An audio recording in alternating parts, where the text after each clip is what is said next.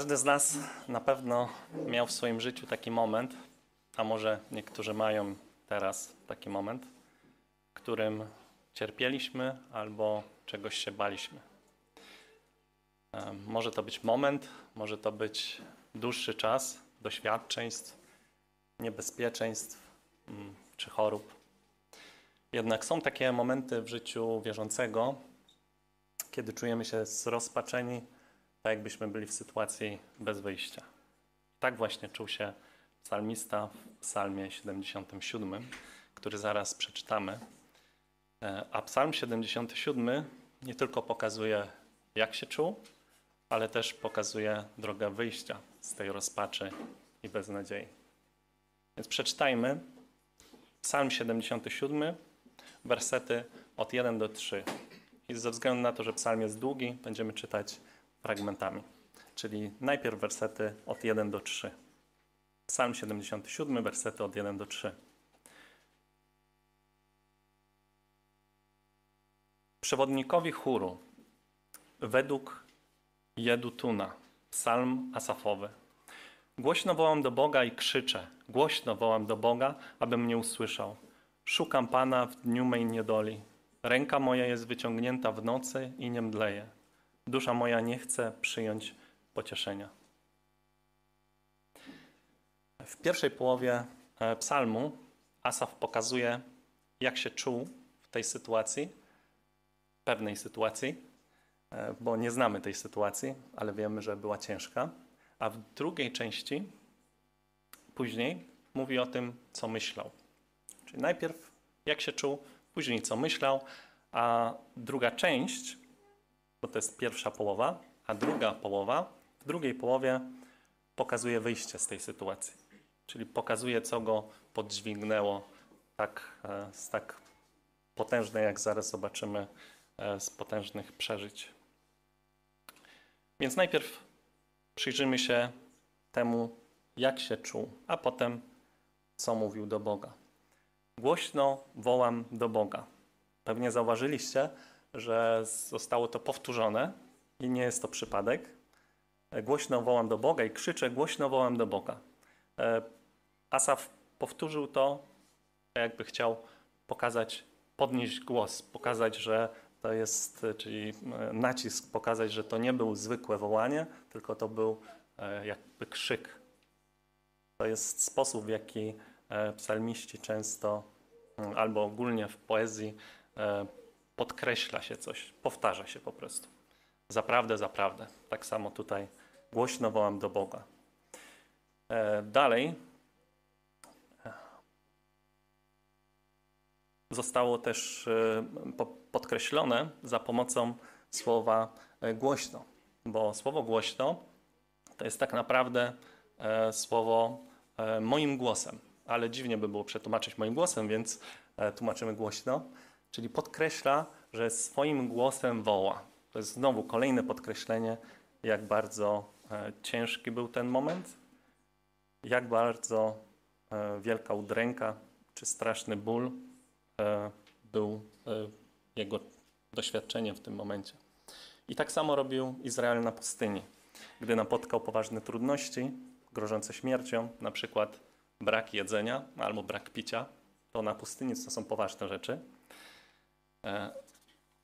I to samo my robimy, gdy przychodzi, przychodzą poważne trudności.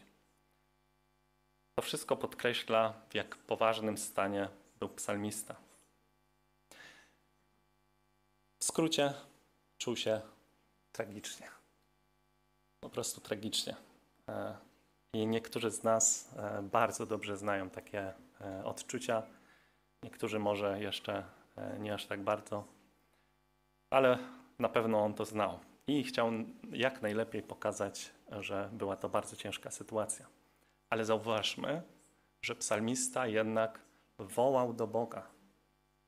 On nie skarżył się innym ludziom, ani samotnie nie płakał, czy próbował to zdusić w sobie, jak czasami my mężczyźni mamy w zwyczaju. On zwrócił się do Boga. Więc jego wiara mogła być słaba, jak zaraz zobaczymy, ale jednak miał wiarę. Zwracał się w ciężarach, w troskach, w rozpaczy zwracał się do Boga. On wołał do Boga. Głośno wołam do Boga. Jego kierunek, e, jego e, ratunku, jaki widział, widział w Bogu. I jest to podstawowy warunek dobrej reakcji na trudne chwile. Wołanie do Boga. Nie sobie, nie do innych ludzi, nie szukanie ratunku gdzie indziej, ale szukanie ratunku u Boga. Mógł zareagować na wiele sposobów, ale kierowanie się do Boga jest przejawem wiary. Może słabej, ale jednak wiary. Co więcej, nie tylko okazywał wiarę modląc się czy krzycząc do Boga, ale szukał Pana. Nie tylko mówił Bogu, z czym się zmaga, ale szukał Go, żeby mu pomógł. Czytamy w trzecim wersecie. Szukam Pana w dniu mej niedoli. E, Szukał Boga, żeby mu pomógł. Chciał nie tylko powiedzieć Bogu, jak się czuje, jakie są jego trudy, tylko pragnął realnej, prawdziwej pomocy od Boga. I mówi też w końcu wersetu trzeciego, e, że jego ręka jest wyciągnięta w nocy. I to jest dosyć trudne określenie, dosyć poetyckie w języku hebrajskim. E, e, To chodzi o właściwie, że jego ręka płynie, czyli wyciągnięta. E, Co to znaczy? To znaczy, że cały czas się modlił w nocy. Ciągle. Wyciągał ręce do Boga w nocy. To był tak duży problem. Nie wiemy, jaki był, ale wiemy, może mu coś groziło. W każdym razie nie mógł spać. Pewnie też mieliście tak, że kładąc się spać, miliony myśli przechodziły przez e, waszą głowę i próbujecie zasnąć, ale nie możecie. Ale psalmista nie pomodlił się chwilę, e, nie poczuł ulgi i nie położył się spać. Zwykle zasypiamy, prawda? Ale psalmista całą noc modlił się, ale modlił się nie tak e, delikatnie, tak spokojnie, tylko krzyczał do Boga, wołał głośno e, w cierpieniu. Więc było to coś bardzo poważnego. Powinniśmy, kiedy cierpimy, powinniśmy zwracać się do Boga i szukać u Niego ratunku. E, Bo kto nam pomoże, jak nie Bóg? Niestety, czasami próbujemy działać najpierw, a później się modlić, samemu rozwiązać problem, e, albo myśleć pozytywnie.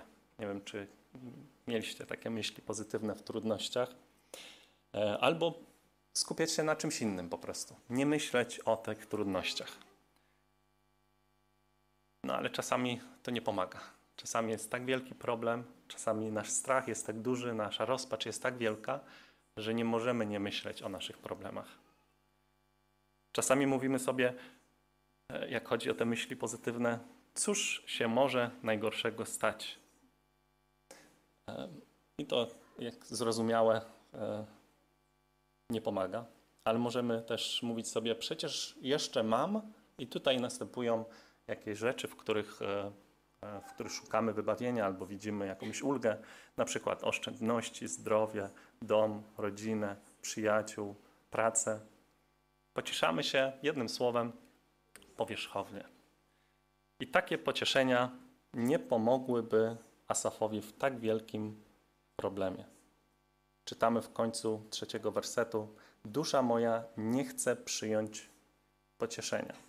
Są po prostu takie trudności, w których banały nie wystarczą, w których pocieszenia, pozytywne myślenie, w których e, e, skupianie się na czymś innym nie pomaga, po prostu nie pomaga. By- Byłem świadkiem rozmowy dwóch osób. e, Przysłuchiwałem się, miałem możliwość. E, Jedna osoba e, była e, śmiertelnie chora i bardzo krótki czas e, życia miała, pozostał tej osobie. No i powiedziała to e, drugiej osobie. Ta druga osoba powiedziała, próbowała pocieszyć, wiadomo, czasami nie wiemy w jaki sposób zareagować, i próbowała pocieszyć powiedziała tej, tej osobie, nie będzie tak źle. E, Reakcja tej osoby, e, pewnie nie muszę Wam mówić, ale była negatywna. Nie przyjęła tego pocieszenia, bo wiedziała, że będzie źle, według niej oczywiście, no bo obiektywnie, e, tym bardziej dla osób niewierzących, śmierć to jest coś strasznego.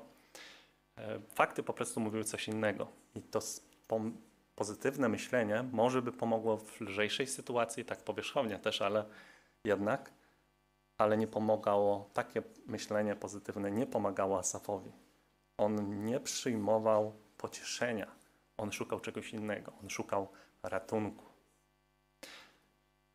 Nie lekkiego podniesienia na duchu. On się modlił i modlił i postanowił nie kończyć, dopóki Bóg nie zadziała dla niego, na jego rzecz. Nie wiemy, jakie to były kłopoty, e, ale z pewnością była to kwestia życia i śmierci. Mogło to dotyczyć jego samego, e, ale mogło to też dotyczyć całego ludu izraelskiego, no i wtedy przez to też jego samego. I jak zaraz zobaczymy, e, wydaje się bardziej prawdopodobna ta druga sytuacja, czyli że to jest kwestia całego ludu, ciężarów, cierpienia całego ludu, trudności i w tym Asafa jako części tego ludu. On cierpiał razem ze swoim ludem. E, Ale to, co wiemy na pewno, to to, że to nie były rzeczy łatwe, to nie były rzeczy, które dotyczyły tylko tego, czego on chciał, po prostu bardzo chciał i nie wiedział, czy dostanie. Czyli to nie były rzeczy takie jak, e, nie powiem kupno domu, ale wynajem domu. E, Akurat jesteśmy, znaczy będziemy w procesie e, szukania domu. To nie było kupno samochodu, czy awans pracy, czy nie były to kwestia pragnienia niskich podatków, czy tej pa- partii politycznej w rządzie, wybory niedługo, e, czy innej partii, E, chociaż to nie są złe rzeczy. E, Same w sobie to nie są złe rzeczy, żeby ich pragnąć, ale jednak nie są aż tak ważne.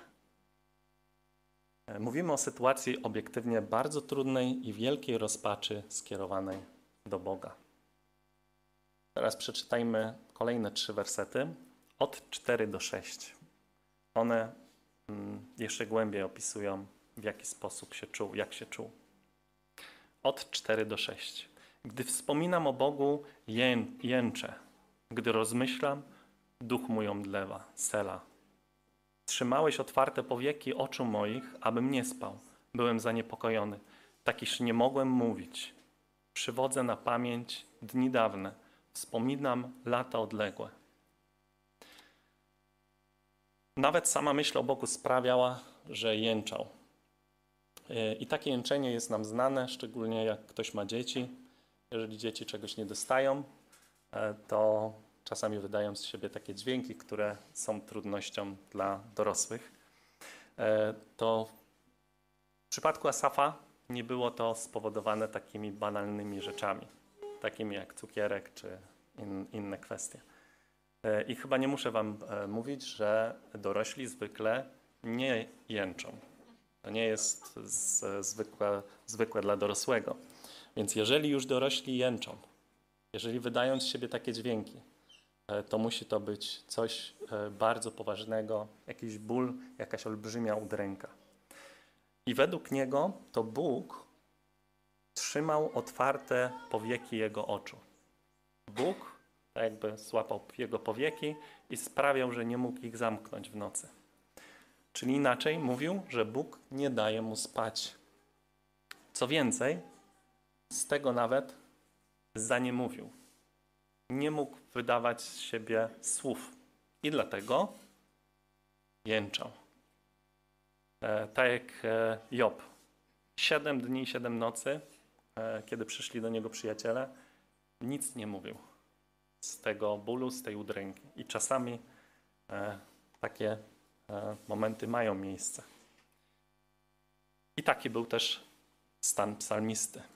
Bóg czasami wydaje się odległy w naszych kłopotach, nie przychodzi żadna odpowiedź, kiedy się modlimy i czekamy.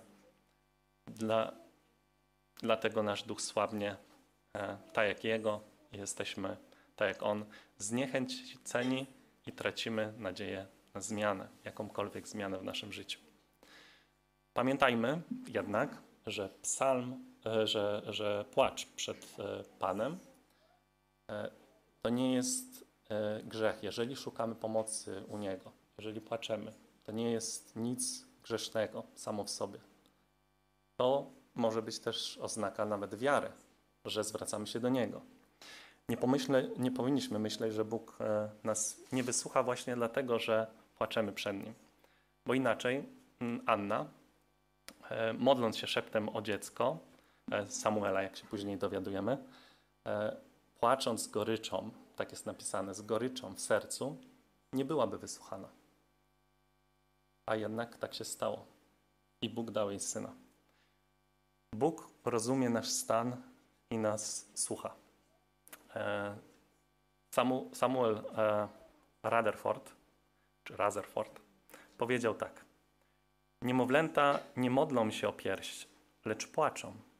Matka potrafi odczytać głód w płaczu. I tak jest e, z naszym Bogiem.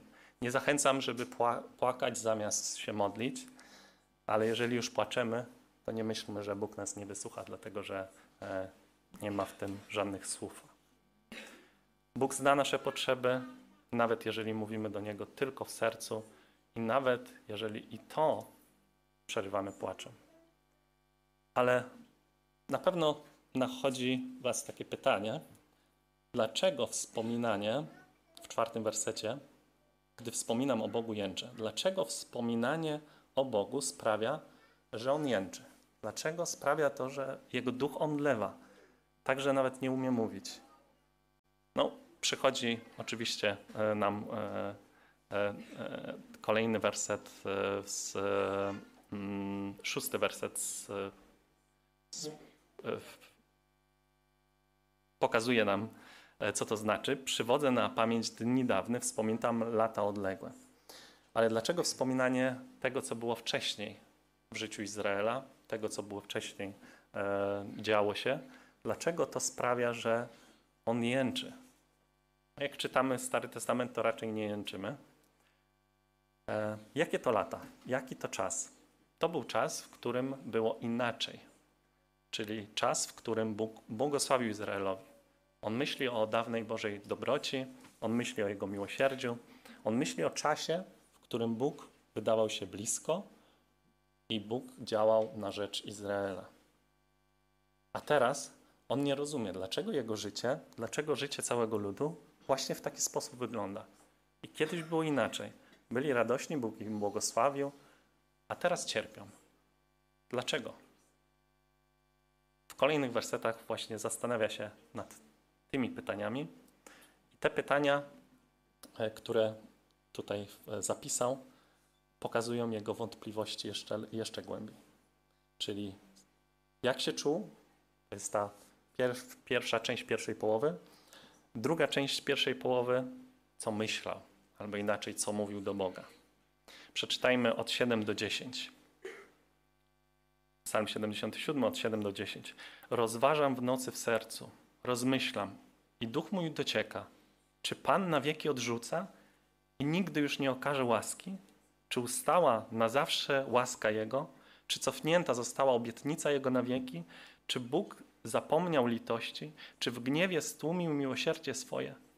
Sela. I rzekłem, to sprawia mi boleść, że prawica Najwyższego jest zmienna.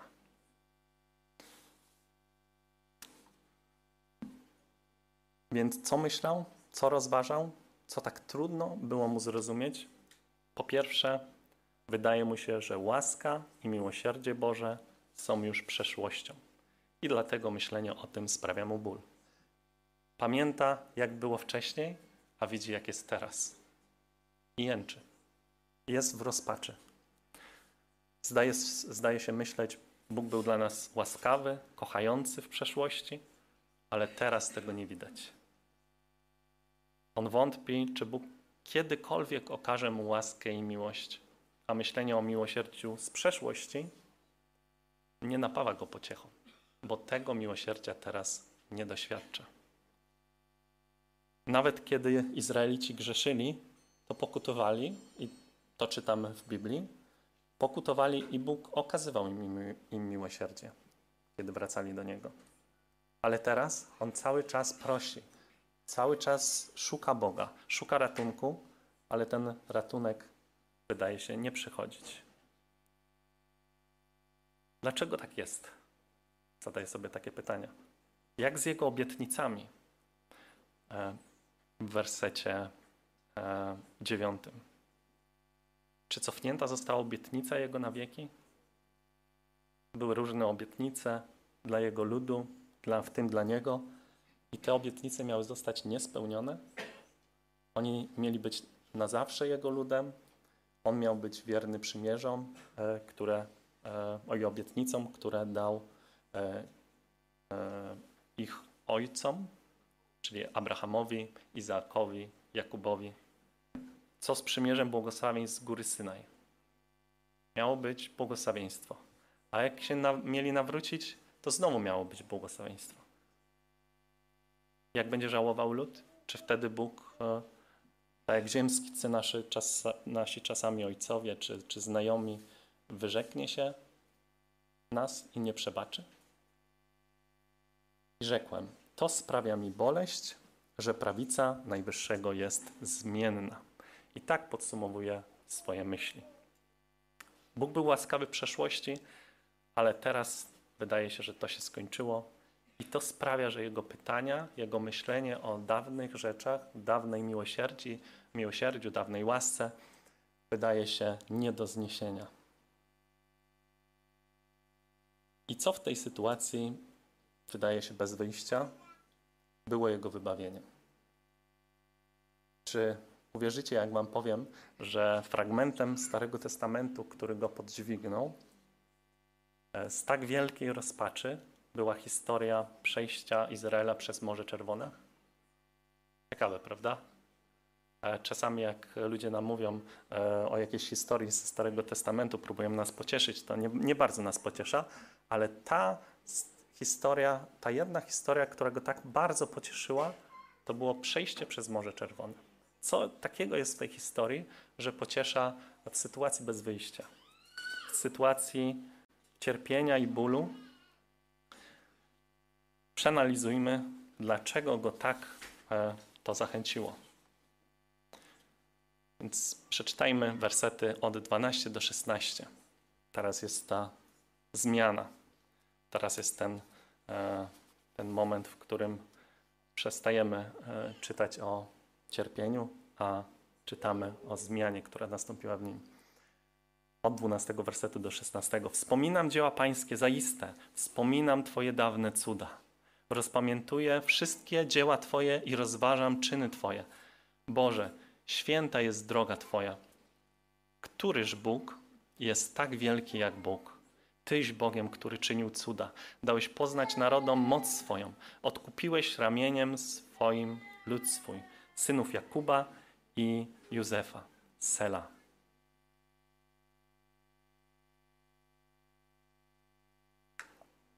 Tym razem kiedy pisze o wspominaniu e, dzieł pańskich, już nie pisze o tym, że Bóg się zmienił, już nie myśli o tym, że Bóg się zmienił, e, prawdopodobnie według niego, ale myśli tym razem myśli o wierności Boga wobec swojego ludu, który był w potężnym utrapieniu, potężnym problemie.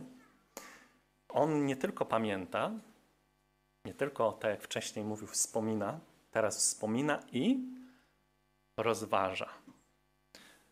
E, I często tak jest, kiedy e, powierzchownie przeczytamy e, jakąś treść z Biblii, jakiś fragment, to nie daje nam to zachęty, nie daje nam to ulgi, bo często szukamy szybkiej ulgi.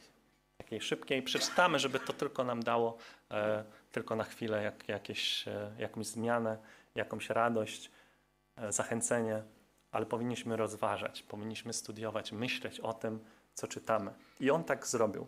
Rozważał dzieła e, Boże. Rozważał, w jaki sposób Bóg postępował swoim ludem i miał nadzieję e, płynącą z Pis Pisma Świętego. I tak będzie też z nami.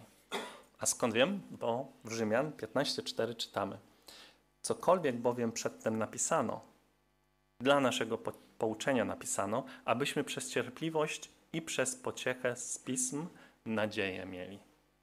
Cokolwiek, czyli wyjście z, z, z Egiptu i przejście przez Morze Czerwone też jest w tym cokolwiek. Wszystko. E, Wszystko, e, jeżeli będziemy studiować, będziemy myśleć, rozważać, e, wszystko ma taki cel, żeby dać nam nadzieję. Te historie po prostu są po to, żebyśmy mieli nadzieję, kiedy nie ma nadziei, kiedy boli, kiedy jesteśmy zrozpaczeni. Psalmista był właśnie tak przestraszony, jak wtedy przestraszeni byli Izraelici. Był bez nadziei. Oni też wołali do Pana, kiedy zobaczyli Egipcjan. To nie jest e, wielkie zdziwienie. E, I posłuchajcie, e, z drugiej Mojżeszowej 14, e, od 11 do 12. A gdy Faraon się zbliżył, synowie izraelscy podnieśli oczy swoje i ujrzeli, że Egipcjanie ciągną za nimi i zlękli się bardzo. Wołali tedy synowie izraelscy do Pana. Jednak Izraelici, podobnie jak psalmista, wątpili w łaskę i wierność Boga. Mówili do Mojżesza, powinieneś nas zostawić w Egipcie, tak jak ci mówiliśmy, parafraza oczywiście, e, i powinni, powinieneś, powinneś nas zostawić e, jako sług, sługu, sług, sług e, Faraona. Przynajmniej wtedy byśmy żyli. Ale teraz umrzemy na pustyni. Czyli wątpili. Tak samo jak psalmista wątpili w łaskę i wierność Boga. Wyobraźcie sobie tą sytuację. Bóg ciągle ich prowadził, cały czas, co chwilę i nie ruszali, jeżeli Bóg nie ruszał razem z nimi. I nagle dochodzą do morza. I nie tylko nie mają jakiś dalej, i Bóg nie prowadzi ich dalej.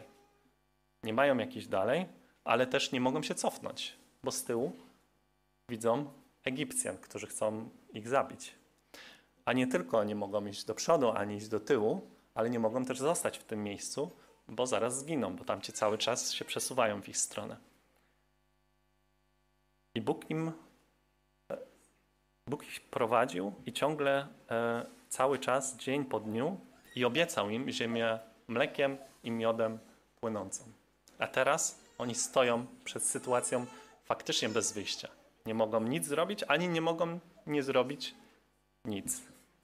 Po prostu wydaje się, że zginą. I tak mógł się zachowywać Asaf. W takiej sytuacji był i dlatego się tak utożsamił z tym. I tak też my możemy się zachowywać, gdy nadchodzą kłopoty. Stoimy przed ślepym zaułkiem, a kłopoty są tuż za nami, goniąc nas, żeby nas pogrążyć.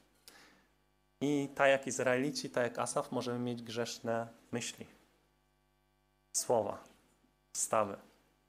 Ale Boża droga, czyli Jego plan, jest święty, jest idealny i chociaż dla nas jest niemożliwy do zrozumienia, ale z przeszłych cudów i wspaniałych rzeczy, które już zaszły, możemy się dowiedzieć, jaki Bóg jest cudowny, jaki jest wspaniały. Psalmista rozmyśla o Bożych cechach w powiązaniu z jego potężnymi czynami wobec ludu, który był w tarapatach. Psalmista po prostu myśli, jaki Bóg jest wspaniały. Bóg ich wreszcie odkupił. Zobaczmy, jak to się dokładnie stało. Teraz ostatnia część psalmu, od wersetu 17 do 20, ale pozwólcie, że przypomnę. Pierwsza część psalmu ma dwie części. Pierwszej części pierwszej części psalmu mamy jak się czuł, później co myślał, co mówił do Boga, a teraz czytamy o wybawieniu. I to wybawienie na początku ogólnie o Bożych cudach, jaki Bóg jest, zwraca się do Boga już z odpowiednią postawą, a później mówi konkretnie o sytuacji, y, która dała mu tak wielką nadzieję. Przeczytajmy od 17 do 21, to już jest ostatni, ostatnia część psalmu. Ujrzały Cię wody, o Boże, ujrzały Cię wody i zadrżały. Tak, wzburzyły się głębiny. Obłoki spłynęły wodą, chmury odezwały się grzmotem, a pioruny Twoje latały. Rozległ się grzmot Twój jak turkot kół. Błyskawice oświetlały świat. Ziemia zadrżała i zatrzęsła się. Droga Twoja wiodła przez morze, a ścieżki Twoje przez wielkie wody. Lecz nie było widać ślad, śladów stóp Twoich. Prowadziłeś lud swój jak stado ręką Mojżesza i Arona. I nawet ten psalm, jeżeli przeczytamy go, to wydaje się, że no, jest jakieś podobieństwo, ale, ale dlaczego konkretnie? Jak to się stało, że, e, że on zobaczył tak, e, tak wielką pociechę z tego? Więc przeanalizujmy, przemyślmy, co się wtedy stało i jak to się, jak dotykało jego i jak powinno dotykać nas, jak dotyczy ten, ten e, fragment Starego Testamentu, jak dotyczy nas. Czytamy, wody zadrżały, głębiny wzburzyły się. Czyli przedmioty nieożywione reagują na Bożą moc, na Bożą świętość, na Bożą wielkość, na Bożą siłę. Tak jakby drżą i są w niepokoju. Tak jak psalmista drżał i tak jak drża, drżeli Izraelici przed Egipcjanami, tak jak Bóg zaczyna działać, nawet drżą e, głębiny mórz. Mojżesz podnosi swoją laskę, a wody w głębinach zaczynają e, ruszać się w popłochu. Tak jak przerażone zwierzęta uciekają przed wielkim pożarem, kiedy go zobaczą, kiedy poczują ten, ten, ten żar, tak pokazane są głębiny wód, wody na dnie, dnie tego morza, że zaczynają się kotłować, zaczynają się ruszać. Na Boże wielkie działanie. A działanie Boga jest porównane do potężnej burzy i do trzęsienia ziemi. I ten obraz jest przerażający. Psalmista pokazuje Boga potężnego, niewidzialnego i przerażającego, jak ogromna burza z piorunami. I tak często Bóg się pokazywał ludziom, i widzimy takie opisy w Biblii, na przykład na górze Synaj. E, opis e, straszny, e, chmury, pioruny, trzęsienie ziemi i Izraelici bali się. Ale teraz boją się e, Egipcjan, a wtedy bali się Boga. Więc jak zobaczyli, jak Bóg działa, to na pewno ich strach od Egipcjan zmienił się na strach przed Bogiem. I to jest prawidłowa, e, prawidłowa zmiana. Bóg wtedy ruszył za nimi przez anioła, który stanął za nimi, zwykle prowadził ich z przodu, a w tym momencie przeszedł za nich. Przeszedł za nich i to była taka chmura, takie, e, taka, taki obłok, e, taki, który przerażał Egipcjan, bo teraz e, ten, ten anioł ten, w, te, w tej, tej chmurze, w postaci tej chmury, stanął pomiędzy Izraelem a Egipcjanami. Ale dla Egipcjan ta chmura była ciemnością, ten obłok. A dla Izraela to było światło. Ta chmura dawała światło. W jaki sposób? Nie wiem, ale tak było. Więc Egipcjanie nie potrafili dogonić Izraela, a Izrael mógł przejść przez Morze Czerwone e, oświetloną drogą, jak latarnią.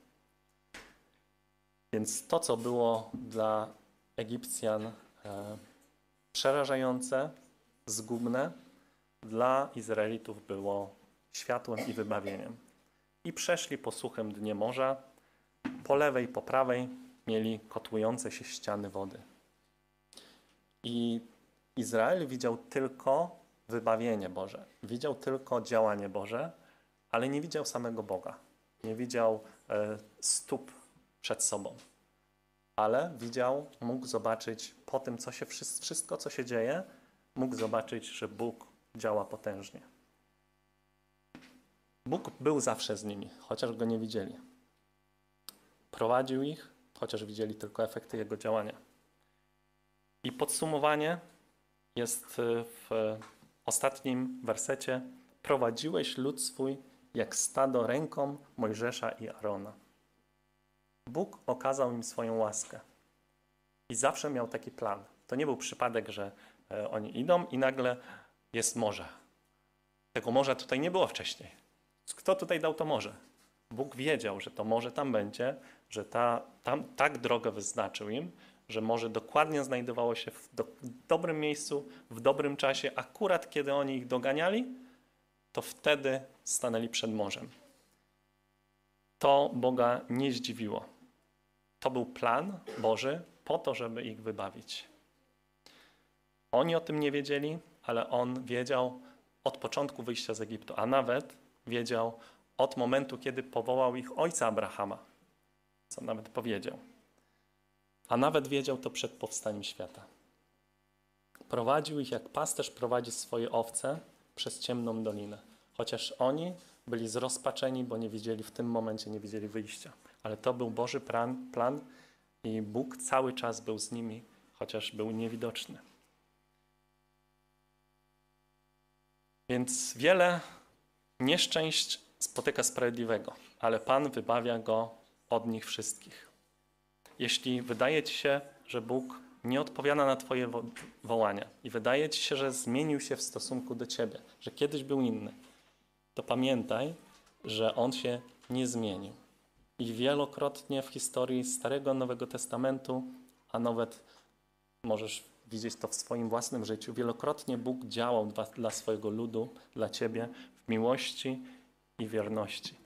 Izraelici wreszcie zostali wybawieni z niewoli przez Mojżesza i Arona i Bóg dochował swoich obietnic. Na przykład, że ich wyprowadzi i wprowadzi do ziemi obiecanej. Jeżeli oni by tylko ufali Mu, że to, co powiedział, że wprowadzi ich do ziemi, a nie umrą e, zaraz przy morzu, nad morzem. Więc pomyślmy, skoro wołali do Boga i Bóg ich ratował, to dlaczego tym bardziej nie, nie uratuje nas? Dlaczego tym bardziej nie przeprowadzi nas swoją niewidzialną ręką przez największe nasze nawet trudności? Teraz przyjrzymy się na koniec czterem, czterem powodom, dla których ten potężny, łaskawy i wielki i wierny Bóg tym bardziej spełni obietnice, które dał nam. Po pierwsze, On nas rozumie. Bóg nas rozumie. Czasami jak E, jak jesteśmy w sytuacji bez wyjścia, myślimy, że, że nikt nas nie rozumie. Nikt nie był nigdy w takiej sytuacji. Jesteśmy w wyjątkowej sytuacji.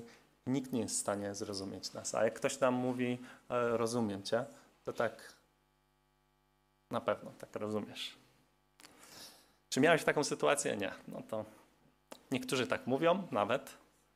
E, niektórzy tego nie mówią, ale tak myślą ale Bóg nas rozumie. Chrystus doświadczył każdego rodzaju trudności, jakie mają ludzie.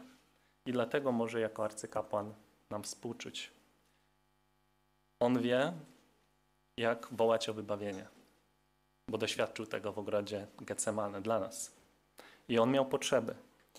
Czasem nie miał co jeść i nie miał co pić.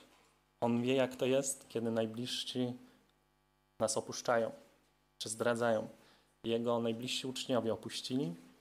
Jeden go zdradził nawet, a jeden wyparł się, że w ogóle go zna. On wie, jak to jest, jak wszyscy są przeciwko nam, bo cały naród izraelski był przeciwko niemu. I on wie, jak to jest, kiedy e, lżą nam, czy mówią różne brzydkie rzeczy na nas, bo tak było też e, z naszym Panem. Dlatego możemy do Niego mówić możemy wylewać swoje serca przed Nim, bo On rozumie nas i On nas słucha. Po drugie, On jest wszechmocny. Tak jak był wszechmocny i dokonywał potężnych czynów w Starym Testamencie, tak i teraz ma tę samą moc. Jezus siedzi po prawicy Ojca jako król i wszystko podtrzymuje w istnieniu słowem swojej mocy. I wszystko, co się dzieje, dzieje się zgodnie z Jego dobrym planem dla nas. Każdy atom naszego ciała, każda cząsteczka, każda komórka zachowuje się w taki sposób, jaki chce Chrystus. E, co więcej, to, co widzimy, co dzieje się w świecie, nie dzieje się automatycznie. To nie są prawa, jak to są nazywane, um, matki natury. To są prawa, um, a raczej działanie cały czas działanie w taki sam sposób naszego e, Pana Chrystusa, który jest królem nad wszystkim i który jest wszechmocny. Dlatego wszystko może współdziałać dla naszego największego dobra, czyli chwały i zmiany w podobieństwo e, Chrystusa. Gdyby Chrystus nie miał w mocy wszystkiego, gdyby nie działo się wszystko tak, jak zgodnie z tym, co On mówi, to nie mogłoby wszystko współdziałać dla naszego największego dobra, albo byłoby to największym przypadkiem e, na świecie. Wszystko dokładnie dzieje się tak, jak On chce i dzieje się dla naszego dobra, nawet jeżeli to jest sytuacja ciężka, sytuacja trudna. Dlatego możemy Mu ufać, bo ma wszystko pod kontrolą w naszym życiu i żaden problem nie jest dla Niego zbyt trudny i nic Go w naszym życiu nie zaskoczy. Czyli On nas rozumie, On jest wszechmocny. Po trzecie, On jest wybawicielem. Bóg tak wtedy, jak i teraz chce, żeby Jego lud był wolny. Ale nas wybawił nie z niewoli cielesnej innego narodu, ale z potężniejszej niewoli, z niewoli wewnętrznej, czyli z niewoli naszych grzechów. I zrobił to nie krwią baranka paschalnego, zwykłego zwierzęcia, ale swoją świętą krwią. Umarł, zmartwychwstał, pojednał nas ze sobą i narodził nas na nowo. Czy będzie się gniewał wiecznie, jak upadniemy i zawołamy do Niego? Czy powie kiedyś, mam już dość, miara Twoich grzechów się przebrała, koniec z łaską dla Ciebie? Nigdy. Jeżeli wierzymy że Chryst, y, w Chrystusa, jeżeli wierzymy w Ewangelię, w Ewangelię, to Chrystus jest gwarancją Bożej wiecznej przychylności dla nas. On zawsze będzie nas kochał i nigdy nas nie odrzuci. Dlatego przychodźmy do Niego w ufności, pewni Jego łaski i Jego miłosierdzia w trudnym czasie. Nie wątpijmy, że Bóg wreszcie nas wysłucha, wreszcie okaże nam łaskę i miłosierdzie. Po czwarte i ostatnie, On jest wierny. Nie po to nas e, wybawił, żeby nas zostawić na pustyni na śmierć. Chociaż tak może się wydawać, bo nie ma wyjścia. Bóg dał nam swojego syna, tak jak Tomek powiedział we wstępie, więc dlaczego nie miałby spełnić wszystkiego, co nam obiecał? On już udowodnił swoją miłość, łaskę i wierność. On już przeprowadził nas przez różne, wszelkie kłopoty i ciemne doliny, jak czytamy w psalmie. I poprowadził nas do naszej e, ziemi obiecanej, prowadzi nas i wreszcie nas do niej wprowadzi, czyli do wiecznej radości z Nim. Nie opuści nas, kiedy nadejdą kłopoty, chociaż nie będziemy Go widzieć i będzie się wydawało, że Bóg nie działa. On zawsze jest z nami. On jest naszym Zbawicielem i naszym Wybawicielem. A jak umrzemy, to On nam, nas przyjmie do siebie i da nam mieszkania, które już zapowiedział, że dla nas przygotował. Dlatego nie bójmy się przyszłości, bo jeżeli Chrystus jest z nami, to któż jest przeciwko nam? Cóż może nam zrobić człowiek albo różne okoliczności? A to są tylko cztery ze wspaniałych błogosławieństw, które mamy w Chrystusie, a które dają nam jeszcze większą nadzieję w trudnościach, kiedy czytamy o tym, jaki jest Bóg w Starym Testamencie. Więc pytam Was teraz, jak Jezus zapytał uczniów, dlaczego jesteście tacy bojaźliwi, małej wiary w trudnościach? Czy nie lepiej zamiast myśleć o wielkości, beznadziei problemu, przed którym stoimy, myśleć o wielkości Chrystusa i wielkości nadziei w Nim? Więc kiedy przyjdą problemy, myślmy o naszym Zbawicielu, o dobroci, wierności, miłości, jaką nam okazał w Ewangelii i wszystkich dobrach, które z niej płyną. Myślmy o Bożych przeszłych i teraźniejszych cuda, które pokazują Jego niezmienny charakter. I pamiętajmy, że mamy jeszcze większe powody do nadziei ze względu na większe obietnice i ich pewną podstawę, która jest w Ewangelii. On nas przeprowadzi przez największe morze trudności, tylko Mu ufajmy.